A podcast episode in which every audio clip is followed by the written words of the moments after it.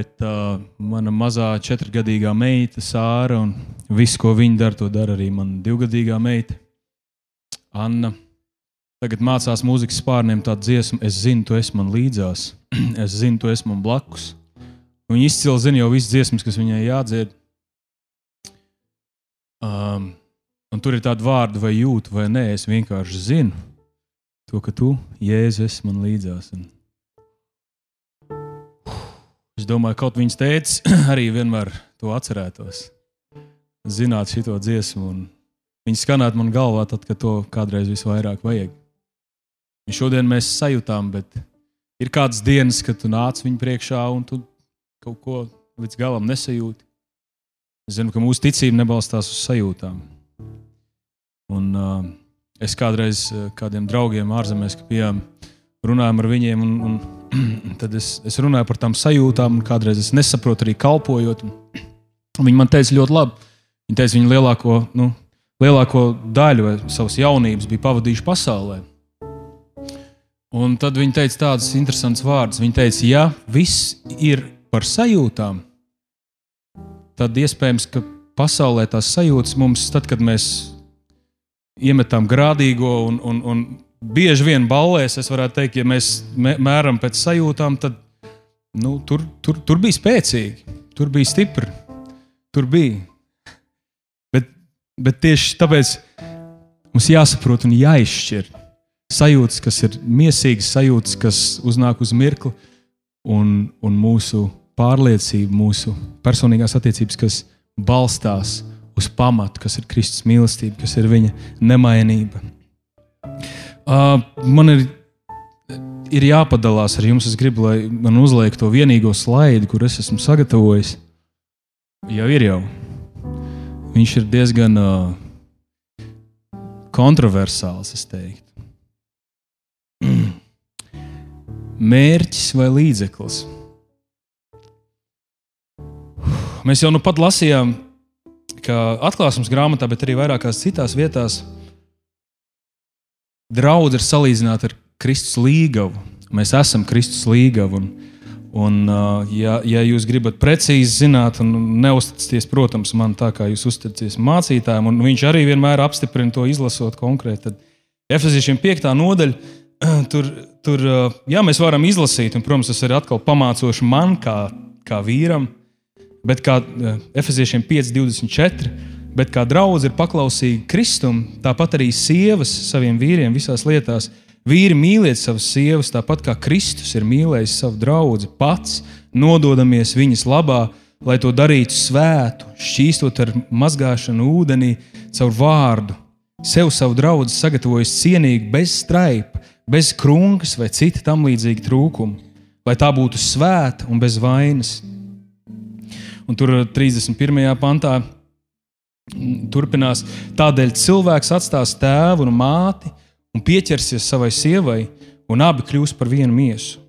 Šis noslēpums ir liels, bet Pāvils saka, es attiecinu to uz Kristu un draugu. Un, uh, zinu, cik, cik daudz mēs esam par to domājuši, par šo otru pusi, par, par Kristus un draugu, vai kādreiz ir viegli domāt par vienkārši draugu, bet domāt par sevi.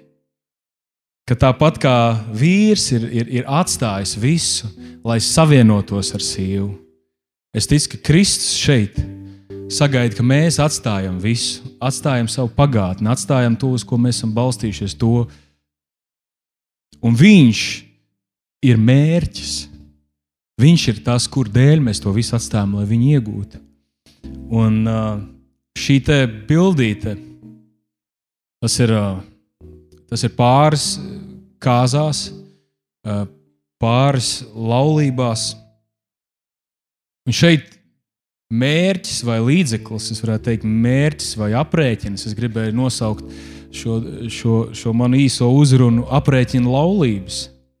Mēs esam visi par tādām dzirdējuši, kur, kur puisis vai meitene uh, izvēlās vai saņemās, iedrošina sevi uz attiecībām ar kādu, kurš īsti viņam nepatīk, kur īsti viņš neizprot, kur īsti nekas viņu ar to otru nesaista, bet vai nu tā ģimene ir, ir, ir, ir bagāta, ietekmīga un vienkārši ieprecēties tajā ģimenē, lai kaut ko iegūtu, lai man kaut kas tiktu, un tā nezinu, mantojuma vai, vai tā, tās piemetamās daļas dēļ. Puisis ir gatavs pieciest to meiteni, varbūt ar traku raksturu vai, vai kaut kādām īpatnībām, eh, kaut ko, kas, kas viņu pavisam nesaist. Un, Ir dažādi, dažādi joku video un dažādas arī reālas, reālas dzīves situācijas, kur mēs redzam, ka, jā, ka 80, vīru, 80 gadīgi vīri aprec 18 gadīgu meiteni, un, un nu, viņi domā, tās ciešanas būs īsas. Jā. Jūs noteikti varat šodien neko nepierakstīt.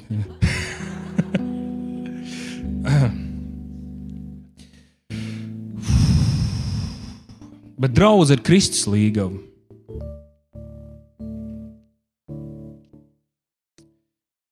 Aprēķina laulības. Jā.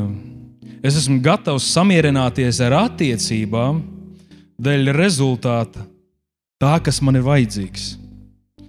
Es gribu saņemt, bet es īsti neredzu jēgu un neizprotu, kāpēc man vajadzētu dot. Un, uh, es rēķinos ar to, ka man upurēsies bet netaisos upurēt neko pats. Un tāpēc ir ļoti daudz uh, laulības, kas izšķirās. Ir vīri, kur pamet uh, tikko dzimušus bērnus. Viņi saprot, pagaidi, es biju domājis savādāk. Es biju domājis, ka man lutinās, un tā kā mana sieviņa, tas bija fantastiski. Manu pirmo laulības gadu. To jūs pēc tam, jau, protams, pamanījāt. Man pirmo laulības gadu, es nezinu, man liekas, biežāk nekā Es nevaru teikt, ka katru nedēļu man bija uzcepta kāda kūka. Man uzcepta, uzcepta torte. Viņi zināja manas mīļākos otros ēdienus, un tie visi tika gatavoti man, un es biju sajūsmā. Ik pa laikam man bija pārsteigumi, un es vienkārši pirmo gadu es biju vienkārši svētlaimē. Nu, tas bija kaut kas nepārspējams vienkārši. Un tad pieteicās Sāra.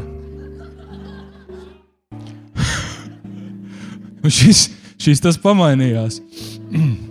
Saldie netika gatavot vairs man, bet tika domāts vairāk par to, ko, ko sārēd. Un, un tad man vajadzēja sākt atkal domāt par savu formu un sākt ieturēties. Un...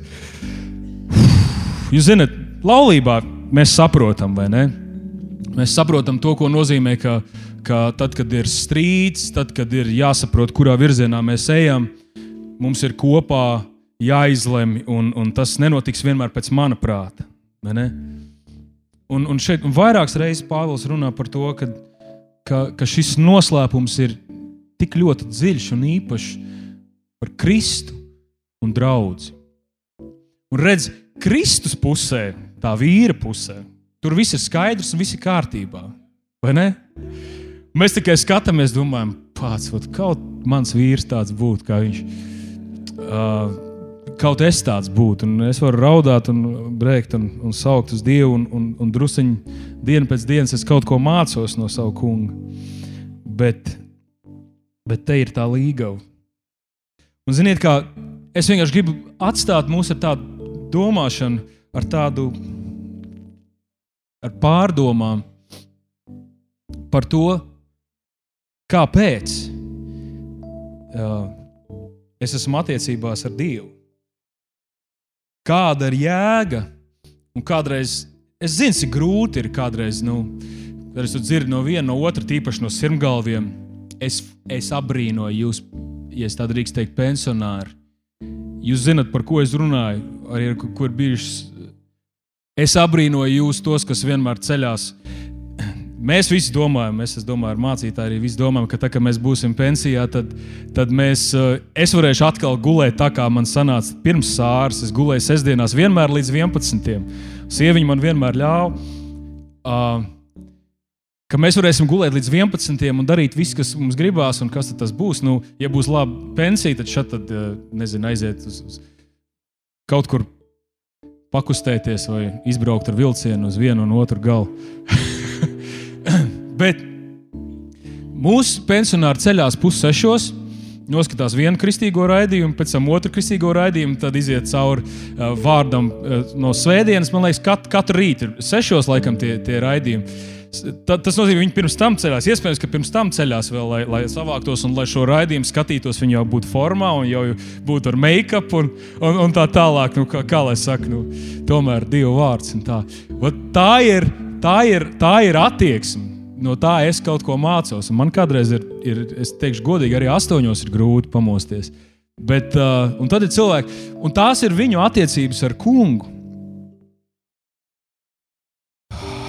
Bet jā, Un ļoti grūti ir, ir, ir tādas sezonas, ir tāda laika, ir tādas dienas, kad ir ļoti grūti saņemties.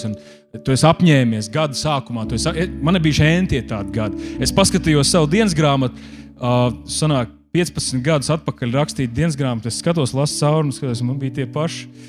Tie paši izaicinājumi, kad gada sākumā tu nolēmi, es lasīšu pēc Bībeles lasīšanas plāna, un tu līdz februāra vidum tev sanāk. Tāpat kā ar sporta zāli.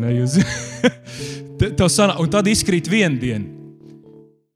Izkrīt otrā diena, un tu jau nespēji, tā kā man sievas māte arī teica, man vēl jāsadzen, bija, bija trīs ar pus stundas. Viņa, viņa varēja sadzīt visu, ko vecajā darbā nav atvainojis, nav paspējis izlasīt. Un kādreiz mēs tik ļoti koncentrējamies uz, uz, to, uz to, ko mēs darām, un tas ir tik ļoti grūti. Kādreiz tik ļoti grūti ir, ir saņemties, vai, vai vakarā, kad ir bijis ļoti gara diena, vai no rīta, kad ļoti agri ir jāceļās, un vēl veltīt to laiku un vienkārši, un vienkārši lūgt. Mēs tik daudz jau esam lūguši. Svētdienā lūdzu, es vēl kaut kad biju arī, biju kaut kad arī draudzes lūgšanās, es vēl kaut kad biju arī šūniņā. Tik ļoti grūti tas ir. Kāda jēga ir manām attiecībām ar Dievu? Kāda jēga ir tam, ka es paklausu, kāda jēga ir tam, ka es piespiežu sevi un augu un, un, un cīnos ar sevi, cīnos ar savu miesu, cīnos ar savām vecajām, vecajām lietām. Kāda jēga ir man pielikties, kur ir tā motivācija, kur ir tas mērķis? Vai tas ir bailes no tā, ka es nenonākšu debesīs? Vai tā ir bailes, ka kaut ko neievērojot no Dieva likumiem, es nebūšu tik svētīts, kā ja es ievērošu, kā ja es šodien neizlasīšu Bībeles lasīšanas plānu, tad, tad iespējams es nedabūšu to algas pielikumu. Vai nu, jūs saprotat? Un tad es gribu ātri jums vienkārši ieskicēt. Es ticu, ka ir divi veidi kristieši. Ir patērētāji, un tad ir tie, kur ir Dieva draugi. Tā kā, tā kā Dievs nosauc Dāvidu par savu draugu. Dāvids arī Dieva draugs un Abrahams. Dieva draugs. Un es domāju, ka vienu otru viņš šeit droši sauc par savu draugu. Es gribētu teikt, ka tā, tie patērētāji noteikti nav neviens, kas šeit ir šodien šajā zālē, un nav neviens no prieka vēsts. Bet tomēr es jums par viņiem pastāstīšu. Un, ja mēs paskatāmies vecajā darbā, tad bija Mozus un bija Izraēla tauta. Bija viens vīrs, Mozus, un tad bija miljons cilvēku tauta, kur visi izgāja no Eģiptes zemes. Mozus izgāja ar vienu mērķi, un Izraēla tauta izgāja ar otru mērķi. Izraēla tauta izgāja ar vienu mērķi. Viņi gribēja sasniegt apsolīto zemi. Viņiem bija viens uzdevums, viņi gribēja sasniegt apsolīto zemi. Un es jums tūlīt izlasīšu uh, ebrejiem 11, 24. Ticībā Mozus liels izaudzis liedzās saukties par fāraona meitas dēlu, labāk gribēdams kopā ar dieva tautu ciest ļaunumu, nekā īsu laiku baudīt grēcīgu laimi. Tā. Jā, un tālāk tur ir rakstīts, es kaut kur esmu pazaudējis, bet jo, jo viņš, viņš to visu piecieta, viņš tam visam gāja cauri, jo viņš skatījās uz atmaksu. Uz atmaksu. Un es, man ir ļoti jāsaīsina tas, ko es gribēju runāt, bet kas bija šī atmaksa? Kā mēs domājam, kas bija šī atmaksa, uz kuru Mozus skatījies, atstāja Eģipti, kur viņš bija otrais aiz fārona. Viņš tur varētu teikt, ka viņš bija dievs tai tautai. Viņš bija otrais aiz fārona. Ietekmīgākais vecs, viņam bija viss, ko vien varēja sirds vēlēties. Kā jūs domājat, vai, vai, vai viņu uzrunāja tas piens un medus, kas tek? Viņam tecēja, ko vien viņš iedomājās. Viņš braukāja ar smalkākajām autiņiem, karietēm, viņam bija jaunākais iPhone, viņam bija viss, ko vien tu vari iedomāties, viss viņam bija. Ja mēs skatītos uz tām, zemiški, uz tām cilvēcīgām, zemiskajām vērtībām, Tās noteikti nevarēja būt tās, uz kurām viņš skatījās, un kur dēļ viņš 40 gadus gāja pa tūkstnesi uh, ar tautu, kur ik pa laikam vēlējās viņu piežmiegt, tāpēc ka viņiem kaut kas atkal pietrūka, kaut ko atkal viņi bija neapmierināti, kaut kas atkal bija ne tā, kā viņi gribēja. Mūzis skatījās uz atmaksu, un ziniet, kas bija tā atmaksa? Protams, ka tās bija debesis, bet viņa atmaksa bija šeit uz zemes, un tas bija Dieva tūms. Mūzes atmaksa un tas, kādēļ viņš atstāja visu Eģiptes godību, bija kungs un kunga tuvums. Tas, kas mums ir pieejams, un es gribu teikt, ne tikai pielūgšanas dievkalpojumā, ne tikai pielūgšanas daļā dievkalpojumā, tas ir pieejams mums visu laiku. Kad vien mēs izvēlamies atslēgt pārējās balsis, vienkārši paiet malā no viss pārējā un vienkārši ļaut sev baudīt kungu. Baudīt kungu. Un, un uh, jūs droši vien zinat tās raksturvietas, bet uh, otrā mūzes par to ir rakstīts. Tur ir 24. nodaļā, 19. nodaļā, 33. nodaļā. Mēs varam lasīt par to, ka Mozus baudīja. Viņš vienkārši viņš uzkāpa kalnā, un sešas dienas viņš vienkārši bija kopā ar Dievu, kopā ar Kungu. Un tad septītajā dienā Dievs sāk uz viņu runāt un sāk teikt atkal norādījumus. Un tad tur rakstīts, viņš uzkāpa vēl augstāk kalnā un 40 dienas vienkārši pavadīja ar Dievu, bez ēšanas, bez dzeršanas. Es nezinu, vai mums tas ir iespējams. Vienu dienu noteikti, trīs dienas varbūt arī. Vienkārši būt ar kungu, vienkārši iemācīt, likt savai dvēselē, koncentrēties, nomierināties un vienkārši būt ar kungu. Un tad pēkšņi tā, tā pusstunda iegūst pilnīgi citu vērtību, tad pēkšņi tā Bībelīs atvēršana iegūst pilnīgi citu vērtību. Tad, kad viņš ir tas ieguvums, kad viņš ir tas dārgums, Jā. Un tad ir otra puse. Ir, ir, ir, mēs šādi tad mums ir jāiet cauri savai sirdī, jāpārbauda sevi. Un jāsaprot tajos mirkļos, kad mums kaut kas pietrūkst, tajos mirkļos, kad mēs esam cīņā, tad, kad mēs kaut ko gaidām, tad, kad mums kaut kas ir vajadzīgs. Ka mēs neesam tā kā Izraēla tauta, kad no sākuma viņi kurnē, viņiem sāpēja tas, ka viņi tiek sisti, ka viņi ir verdzībā. Dievs parādīja tādu žēlastību un viņus izved ārā ar varenu roku, ar vareniem brīnumiem, varenu spēku, izved ārā no Eģiptes. Pēc kāda laika viņi saka, Un viņi ar ārprātīgām bagātībām, ar lopiem, es domāju, viņiem bija viss, kas vajadzīgs kaut kādam laikam. Un, un, un mums tāpat ik pa laikam ir, mums, mēs esam nodrošināti, mums ir labi, mums viss ir. Un pēc kāda laika mums kaut kas pietrūkst. Ko dara Izraels? Viņi nāk un tur rakstīs, viņi kliedz uz mūzu, viņi brēc uz mūzu. Viņi saka, kāpēc tu mums ļauj nomirt tuksnesī? Mēs gribam ēst, mēs gribam maizi. Un mūzum ir nāves draudu, viņš iet pie Dieva, metās uz ceļiem brēc Dievu priekšā, viņš saka, šiem man nomušīs, ja tu nedos maizi. Un Dievs atbild uz to lūgšanu. Pēc kāda laika Izraels saka, maize mums ir, mēs gribam gaļu. Mēs gribam gaļu. Es gribu smartphone. Es, es gribu, man ir ritenis, es gribu mašīnu. Man ir dzīvoklis, es gribu māju. Pareizi. Aleluja. Viens man piekrīt.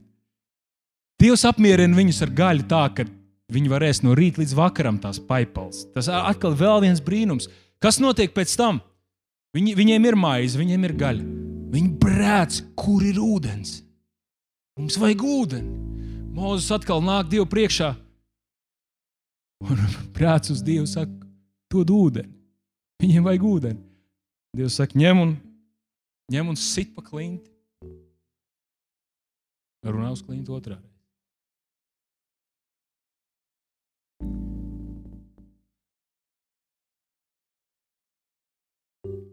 Ziniet, kas pats interesantākais?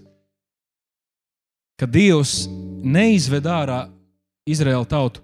Atcerieties, kāds bija tas mērķis, kur tās, tās vairākas reizes, kad Mozus iet pie Fāraona un saka, izlaid manu tautu.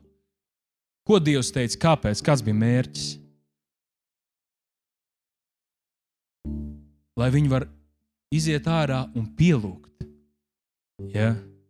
Nevis, lai viņi varētu aiziet uz apsolīto zemi, lai viņi varētu iziet, pielūgt un kalpot man. Pielūgt. Jūs zināt, kas notika ar Izraēlu tautu? Visi tie, kas izgāja ar vienu mērķi, lai tik līdz apsolītai zemē, viņi tajā apsolītā zemē neiegāja. Viņi neiegāja.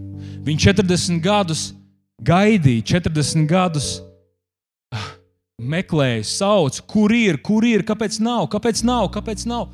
Un īsnībā mēs to redzam, droši vien tie, kas ilgāk laika ir kopā ar Dievu. Es to redzu ļoti praktiskās, ļoti praktiskās lietās. Tajā mirklī mēs zinām to kā teoriju, ka tad, kad tu tai lietai nomirsti, tad Dievs viņu tev var iedot. Vai ne? Un es arī ļoti, man ļoti aizkustina tas, ka arī kādreiz esot kopā ar, ar, ar, mūsu, arī ar mūsu cilvēkiem, kas ir veiksmīgi, finansēs arī šeit, mūsu, mūsu draudzē. Uh, man fascinē kādreiz, kad tie ir tādi cilvēki, kuriem tās finanses liek tādu sajūtu, ka viņiem viņas neko nenozīmē.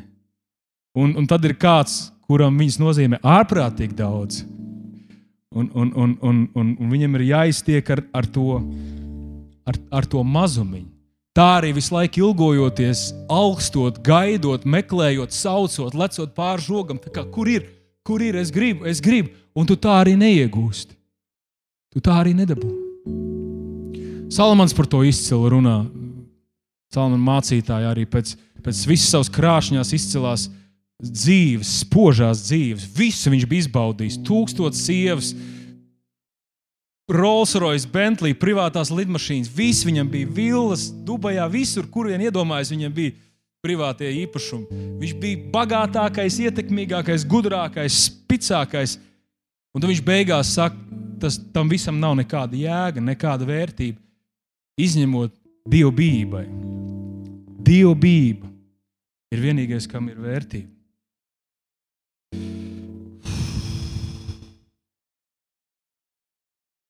Mūzes, ir mēs Mozus, krīzes mirklī. Viņš uzkāpa Sinai kalnā, mākonis apsedz to sešas dienas, un septītajā dienā viņš runā ar kungu. Pēc tam, pēc tam viņš atklājās Izraēlu bērniem. Mozus iegāja mākoņu vidū, uzkāpa kalnā un palika kalnā 40 dienas un 40 naktis.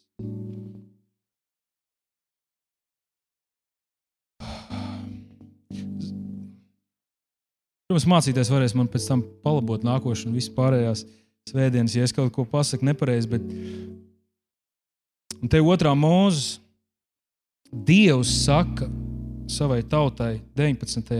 nodaļā, viņš saka tā, 5. pantā. Bet tagad, ja jūs uzklausīsiet manu balsi un turēsiet manu derību, tad jūs man būsiet par īpašumu visu tautu vidū, jo man pieder visa pasaule, un jūs būsiet man par priesteru un ķēniņu valsti, par svētu tautu.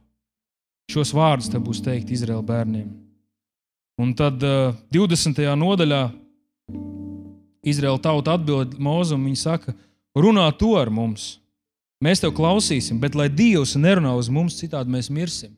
Un viņi nemaz nebija iepazinuši, viņi nebija izpratuši Dieva mīlestību, viņi nebija izpratuši to, ko viņš šajā vietā no viņiem gaidīja. Un viņi saka, Mūzu, ej, tu pats tiec galā. Tu, tu tiec galā, tu runā ar viņu. Dievs gribēja runāt ar savu tautu. Viņš gribēja viņiem atklāties. Bet viņi teica, ej, tu runā ar viņu, un pēc tam mums atstāsti. Pēc tam mums atstāsti. Mums ar to pietiek. Bet tajā mirklī, kad, kad Mozum bija izvēle, un ot, tur 33. nodaļā Dievs, viņ, eh, Dievs viņam saka, paklausies, es esmu noguris, Tas slikti beigsies, ja es ar jums iešu kopā. Viņš saka, es sūtīšu savu eņģeli. Un jūs nonāksiet apsolītā zemē. Tas nozīmē, ka tas apsolījums, tas pēc kā viss ilgojās, jūs to dabūsiet. Jūs to dabūsiet. Bet, bet, man, bet es, es nevaru iet ar jums kopā. Un Mozus saka, ja tu pats neies ar mums, tad neved mūs no šejienes prom. Citām vārdiem viņš saka, es esmu gatavs nomirt šeit, tuksnesī, nesasniedz to apsolīto zemi, kas visiem ir tas lielais mērķis, ir viss tas, viss tas ko mēs esam gaidījuši, pēc kā mēs esam auguši. Es nezinu, kādam, labi, es nemuļķošos, vai, vai liela pensija, vai privātais īpašums, vai kaut kas, kaut kas, kas man liekas, ir mans sapņu piepildījums vai dzīves draugs. Un, šeit Mozus saka, es, es, es, es no tā atsakos, tāpēc, lai paliktu ar tevi šeit, tuksnesī. Un pavisam ātri es gribu pieminēt arī, arī citus.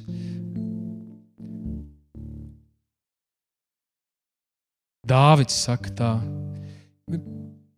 Dāvidam bija, un, un tagad viņš raksta lielāko daļu psalmu, ko viņš raksta. Viņš raksta, ka viņš ir tuksnesī, viņš raksta, ka viņš ir vajāšanās, viņš raksta, ka viņš ir lielās briesmās, bailēs, dzīvības bailēs. Un viņš raksta, tas kungs ir mana manta un mans kauss. Tu esi tas, kas glabā un nodrošina man, man tiesu. Man mana daļa ir tikusi jaukā vietā. Tiešām skaists ir mans mantojums. Es slavēšu to kungu.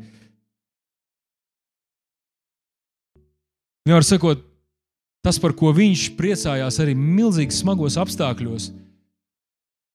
Tālāk, 63. psalmu jūs varat palasīt mājās. Viņš saka, ar taukumiem un gardumiem. Viņš ir tuksnesī, viņš ir izslāpis, viņš ir izsalcis, viņam ļoti daudz kā pietrūkst. Bet tas, ar ko viņš nodarbojas, viņš pavada laiku Dievu priekšā, un viņš saka, Tu esi man laime. Kā ar taukumiem un gardumiem ir pamielot, man mies, viņš runā par Dievu klātbūtni, kur viņu pabaro, kur viņu padzird, kur dod viņam viss, kas viņam vajadzīgs, kas apmierina visas viņu, viņu vajadzības. Dievs bija Dāvida mērķis. Dievs bija Pāvila mērķis. Pāvils ir milzīgi ietekmīgs vīrs, ar milzīgiem kontaktiem, ar milzīgu resursiem. Viss viņam bija. Viņš saka, bet kas man bija iegūms Filipiešiem 3. nodaļā? To es Kristus dēļ esmu uzskatījis par zaudējumu, bet arī tagad es to visu uzskatu par zaudējumu, salīdzinot ar mana kunga Jēzus Kristus atziņas nesalīdzināmo pārākumu, kur dēļ es visu to esmu zaudējis un uzskatu par mēsliem, lai Kristu iegūtu un atrastos viņā negūdams savu taisnību no bauslības, bet no Kristus ticības. Es pielīdzinos viņam nāvē. Jāsakot, es nezinu, vai man izdevās, bet, bet ir, ir, ir, divi, ir divi virzieni, kuros es varu iet, un man vajag pārbaudīt savu sirdi katru dienu, kur es esmu. Vai es esmu pie tiem, kuri kā jūdas, ja, kā mācītājs arī mums atvērta, kā jaunu šķautni, kā Viņš likās, ka viņš ir ļoti labi iekārtojies pie Mēsīs, pie tā, kurš valdīs, un es būšu viens no viņa, viens no viņa ministriem. Tā būs valstība, kur nekad nebeigsies. Tas izklausījās skaisti. Un, tā, un, un, un viņš, viņš domāja, ka ar to Jēzus nodošanu sāksies visi lielie brīnumi, un tūlīt, tūlīt godība sāksies. Viņš pātrinās to visu. Un pēkšņi viņš saprata, ka pagad, tur, tur ir vispār par citā dimensijā tas viss iet. Tas, Un, un kā beidzās tā viņa, viņa uzvaras triumfa gājiens. Tā, viņš saprata, ka tie graši ir pilnīgi nenozīmīgi, un viņš, viņš izdarīja pašnāvību, viņš beidza savu dzīvi.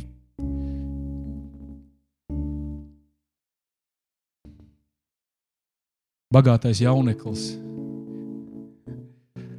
Interesanti, ka viņš atnāca un viņš atbildēja Jēzum brīnišķīgi, un Jēzus redzēja, ka viņš ir, ka viņš ir dievbijīgs un ka viņš ir centies darīt visu pēc bauslības. Un viņš saka, viens lietas tev trūkst, pārdod visu, kas tev ir, pārdod nabagiem, un tad tev būs māna debesīs nāc un seko man līdzi. Un viņš to dzirdēdams noskuma un aizgāja, jo viņš bija ļoti bagāts. Un tad mācekļi saka, viņi saka, kungs, bet Mēs taču visu esam atstājuši, mēs esam visu devuši. Un interesanti, ka Jēzus šeit apsola, ka nav neviena, kas Dieva valstības dēļ būtu atstājis māju, sievu, brāļus, vecākus vai bērnus, kas to daudzkārt neatdabūs jau šī laikā, un nākamajā laikā mūžīgu dzīvību. Mācekļi saka, kungs, bet mēs taču to visu jau esam devuši. Tu esi mums viss. Mēs esam sekojuši tev, atstājuši visu. Un, un fascinējoši ir tas, ka Jēzus to nepateica, šo apsolījumu viņš nepateica tajā mirklī, kad bagātais jauneklis bija atnācis pie viņa. Viņš, viņš neatnāca, un, un tad, kad bagātais jauneklis prasīja, ko man darīt, tad Jēzus viņam būtu pateicis, Viss, ko tu atstāsi manas dēļ, tu jau simtkārtīgi atgūsi atpakaļ šeit. Bagātais jauneklis viennozīmīgi būtu atstājis visu, pārdevis, visu nācis, sekojis kungam, jo viņš zinātu, kas viņam par to būs. Mēs ļoti daudz ko zinām, tāpēc mums ir grūtāk. Bet uzmanīt savu sirdi.